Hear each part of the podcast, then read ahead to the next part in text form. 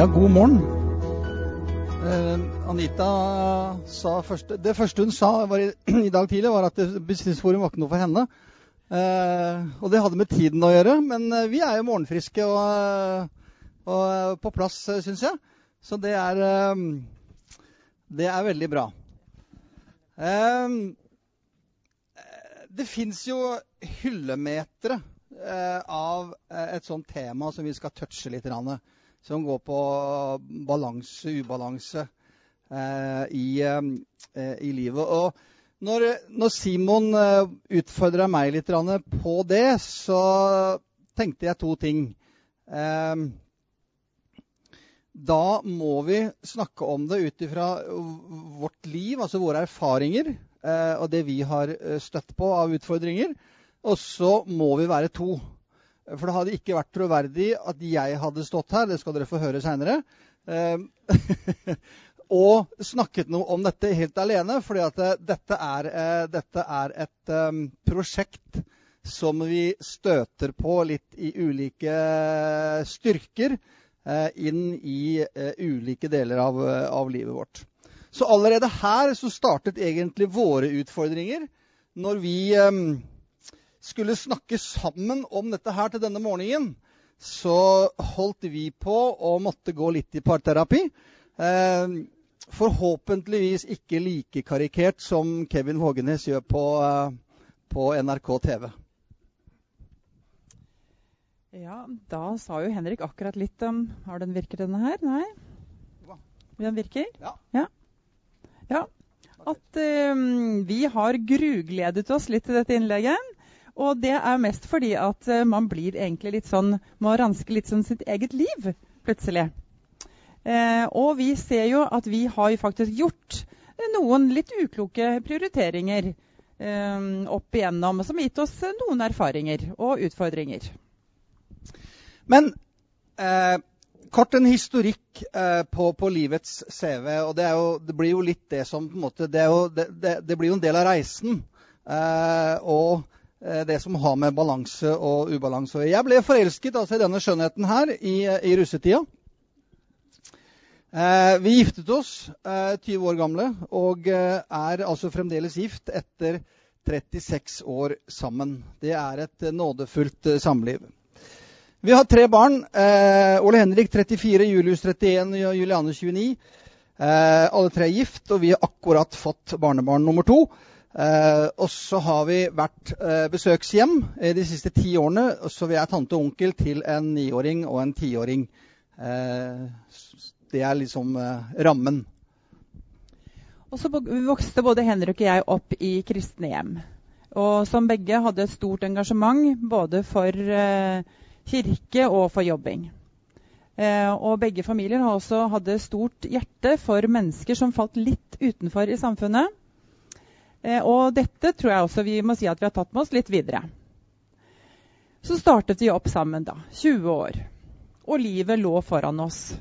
Du jobbet. Eh, og tro det eller ei, jeg var student og studerte data og økonomi. Vi fikk familie, men det var like viktig for oss å holde dette trøkket i Philadelphia som, som engasjert familie på den tiden.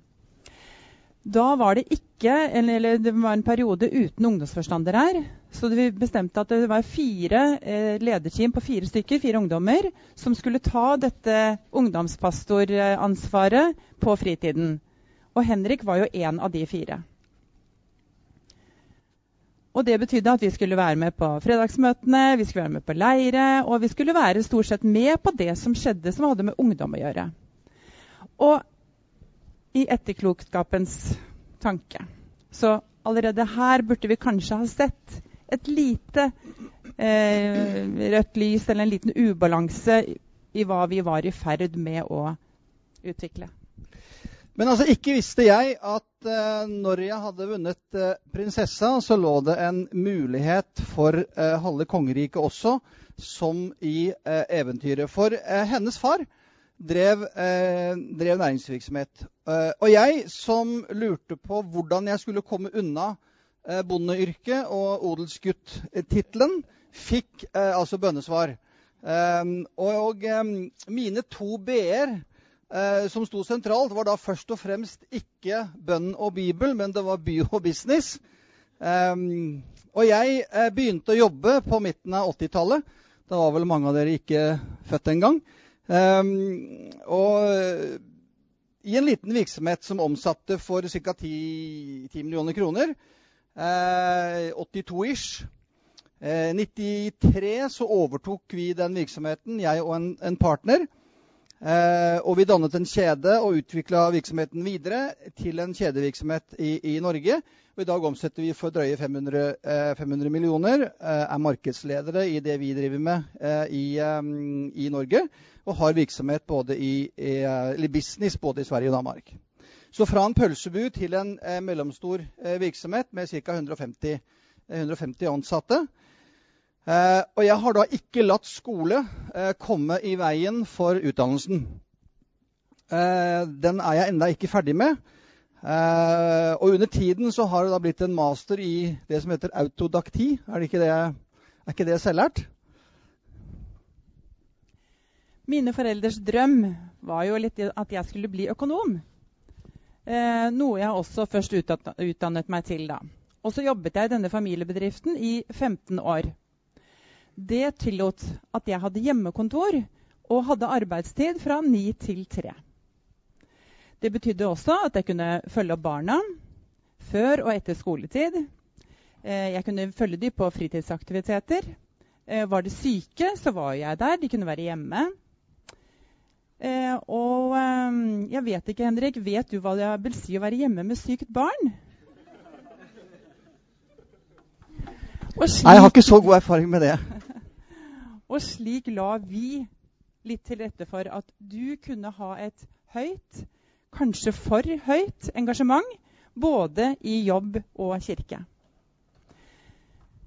De som levde rundt meg, de forsto jo at jeg egentlig ønsket å gå en litt annen vei, og at jeg ønsket å jobbe med mennesker. Så mye av fritiden min så engasjerte jeg meg da med, i mennesker i ulike sosiale sammenhenger. 39 år gammel så kunne jeg få lov til å starte på Diakonhjemmet og ta en eh, bachelor i sosialt arbeid. Og målet hele tiden var å ha tatt en master i diakoni. Og det var en lykkedag når jeg hadde fått gjennomført det. Så hadde jeg noen år hvor jeg jobbet i Kirkens Bymisjon og senere i Betanien kompetansesenter, med eh, begge steder med samspill i familier. Så kan jeg også skyte inn da, altså tror jeg at jeg har vært den som har vært kontakten vår iblant venner og venneflokken vår. Um, og så drar jeg deg litt sånn inn i det når vi har lagd avtaler og sånn. Hm. Hun, skriver i, hun, skriver inn i, boka. Vi var som sagt en gjeng, eh, vi var som, sagt en gjeng som drev Ungfila eh, en, en, god periode. Fantastisk spennende, men altoppslukende. Det var på, på, på 80-tallet. Etter det så var jeg leder noen år for et par kor som vi hadde i, uh, i menigheten. Um, vi reiste land og strand rundt med konserter og litt sånt noe. Jeg var ikke musikalsk leder, jeg var da organisatoren, selvsagt. Um, og siden 96 så har jeg vært da med i uh, Eldsterådet, eller styret, uh, her i Fjellfjella. Og de siste årene, fem, seks, sju, så har jeg vært leder for eh, Eldsterådet. Og I tillegg så har jeg siden 2008 også vært engasjert i Bibelselskapet eh, og er styreleder der for tida. Ja, og jeg sang jo med i dette koret da, som Henrik ledet. Og så var jeg søndagsskolelærer, ofte for egne barn, fordi de i perioder manglet eh, søndagsskolelærere. Så var jeg engasjert i eh, søndagsskolen med et barn med spesielle behov i 20 år. Og senere også i samtalesenteret i 18 år, før jeg ble leder der for tre år siden. Ja, Så la oss da se på litt hva som kan skape balanse. Ehm, for det er det jo mange som har tenkt på og tenkt over. Eh, og noen kloke hoder har til og med forsket på det. Eh, og har funnet ut eh, at det er fire ulike sider av livet som hører veldig sammen, og som har en evne i seg til sammen å skape balanse. Eh, de elementene er familie og venner, jobb og et frivillig engasjement. Det kan være hva som helst. Kan, du kan gi deg til et idrettslag, du kan gi deg til Lions, du kan gi deg eh, Men i vår tilfelle så, så, blir det nærliggende å tenke at et engasjement innenfor et kirke, en kirke er det som, eh, som ligger eh, oss eh, nærmest. Og familie Familie velger vi jo ikke.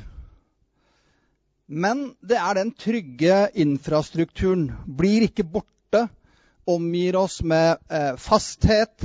Godtar oss for den vi, eh, vi, er. Og står der litt når det, når det butter. Venner eh, velger jo vi, og de velger oss. Det er ofte sammenfallende interesser, sammenfallende personligheter. De kan gi, være flinke til å gi oss bekreftelser. Dele livet og dele opplevelser eh, ville være sentralt i et, venne, i et, et, et, vennesammenheng. Og jobb. Det gir oss utfordringene. En arena for å leve ut eh, ambisjonene, prestasjoner og realisere drømmer og mål. Og gir oss i tillegg økonomiske midler og muligheter i livet. Og frivilligheten, det er jo å delta eh, og være med noe i, som er større enn seg selv. Eh, bidra i andres liv. Det meningsfylte. Eh, det gir en glede og en tilfredshet, samtidig som man også får anerkjennelse. Og familie og venner danner jo det vi tenker at livet kan gi oss av god selvfølelse. Mens jobb og frivillighet er det som kan gi oss en god selvtillit.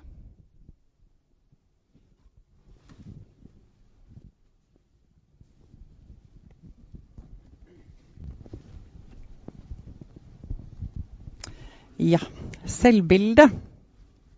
Disse to sidene danner altså det som vi sier er selvbildet. I alt hva vi foretar oss, så er dette med selvbildet viktig. Um, det er to begreper som vi ofte forveksler litt, eller snakker litt om hverandre om. Men de representerer altså to ulike sider av oss. Og alle så har vi mer eller mindre av begge deler. Selvfølelsen har med egenverdi å gjøre, mens selvtilliten er mer hva vi presterer. Selvfølelsen handler om den vi er. Selvtilliten handler om det vi gjør.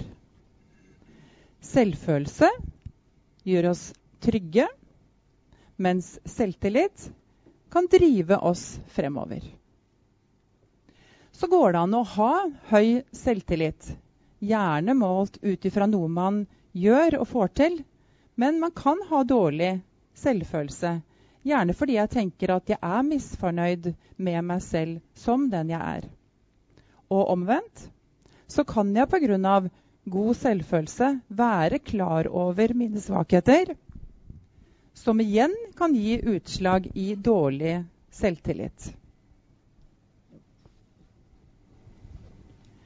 En person med god selvfølelse vet at han eller hun presterer dårlig på jobben en dag, ja, så er hun like mye verdt allikevel. En person med lav selvfølelse takler ikke en dårlig dag på jobben like godt. For alle hendelser som trykker en ned, de blir til vonde erfaringer. En blir nedtrykt og kan bebreide seg selv og sin person og tenke sånn at uh, det er jeg det er noe feil med. Det jeg angriper jeget. Det, det er feilen er ikke den tingen jeg gjorde, men det er jeg. En person med god selvtillit vil håndtere de fleste situasjoner rett og slett fordi man har en indre trygghet. Og istedenfor å klandre seg selv, så vil en kunne si med rette vite at det og det var feil. Med dette så mener vi altså ikke at vi skal gå rundt og kjenne oss som verdensmestere hele tiden. men å være sånn noenlunde i balanse. Noen ganger veldig fornøyd med oss selv, og noen ganger kanskje litt misfornøyd. Det er helt greit. Problemet er hvis vi alltid går i den ene grøfta. Alltid ender med å bli litt misfornøyd. Eller kanskje på den andre siden å se at jeg aldri kan gjøre en feil. Eller at andre også kan faktisk ha rett. Men altså til tross uh, for noen feiltrinn, så står vi altså her uh, fortsatt. Sammen etter 36 år. Um, men du kommer ikke unna å fortelle litt om syvårskrisen din. Nei, og syvårskrisen, den er min. Uh, det er nemlig et begrep hos oss. Og det er en bursdagsfeiring. Et av barna var, hadde bursdag. Eh, og vi har vært gift i syv år, og vi hadde da på den tiden tre barn. Vi innbyr hele familien til å komme på feiring en fredagskveld. Og når vi har bursdag, Henriks med sine fem søsken, og jeg med mine altså de er fem søsken, og vi er tre. Når da de kommer med sine ektefeller og barn, så blir vi fort 30 stykker på en liten pølsefest. Um, og hva skjer når jeg står der, litt svett, koker pølser fredag ettermiddag, venter på at Henrik skal komme hjem, barna litt sånn sutrete rundt meg, og familien begynner å komme inn. Så ringer Henrik og sier jeg må til Drammen. Fordi at koret skal synge i Drammen. Og jeg som leder hjem bare må dra dit, ellers så, blir, så faller det helt i Ja, og det var for lite tenorer òg. Ja. Og jeg bare kjenner Ops! Det går rett ned i kjelleren. Um, jeg tror jeg egentlig bare legger på og sier greit, ha det. Sånn. Og tar imot familien. Og hvor morsomt er det å komme til oss? For mine brødre, svagere og liksom Henrik prioriterer ikke komme. I hvert fall. Um, det var, Og etterpå så har dette, denne historien Når, de kom hjem, så, når du kom hjem, så satt jeg sikkert og gråt. Eh, og denne historien lo Henrik litt av. Og han fortalte den liksom av Anitas syvårskrise. Men denne historien har Henrik forbud om å fortelle, for den gjør like vondt hver gang. Ja. Dumhet. Men jeg får lov til å fortelle den, og jeg får lov til å le av den. Men det er dette med dårlig prioritering i den godes hensikt. Eh, for jeg syns jo at, eh, at jeg hadde et ansvar. Jeg var leder. Eh, og det var lite tenorer. Og så gjorde jeg da en prioritering som jo er dårlig. Det skaper relativt grov ubalanse i den, i den, i den sammenhengen. Og hvorfor lytta ikke jeg eh, i den grad på den andre? Hvorfor justerte jeg meg ikke inn på Anitas forventninger og, og, og om, om prioritering? Det er vel et åpent spørsmål en dag i dag, men det er i hvert fall noe som vi anbefaler eh, dere å ta en timeout på før eh, den godes hensikt eh, blir prioritert. Og grøften man går i, er jo lett den derre klassiske Det er et for høyt ensidig fokus og en for høyt ensidig prioritering på noen Eh, av eh, disse elementene. Eh, og ofte så går det på at man har uavklarte forventninger og ulike ønsker. Jeg kan vel ha, liksom, ha følelsen av at jeg har vært stått mye her.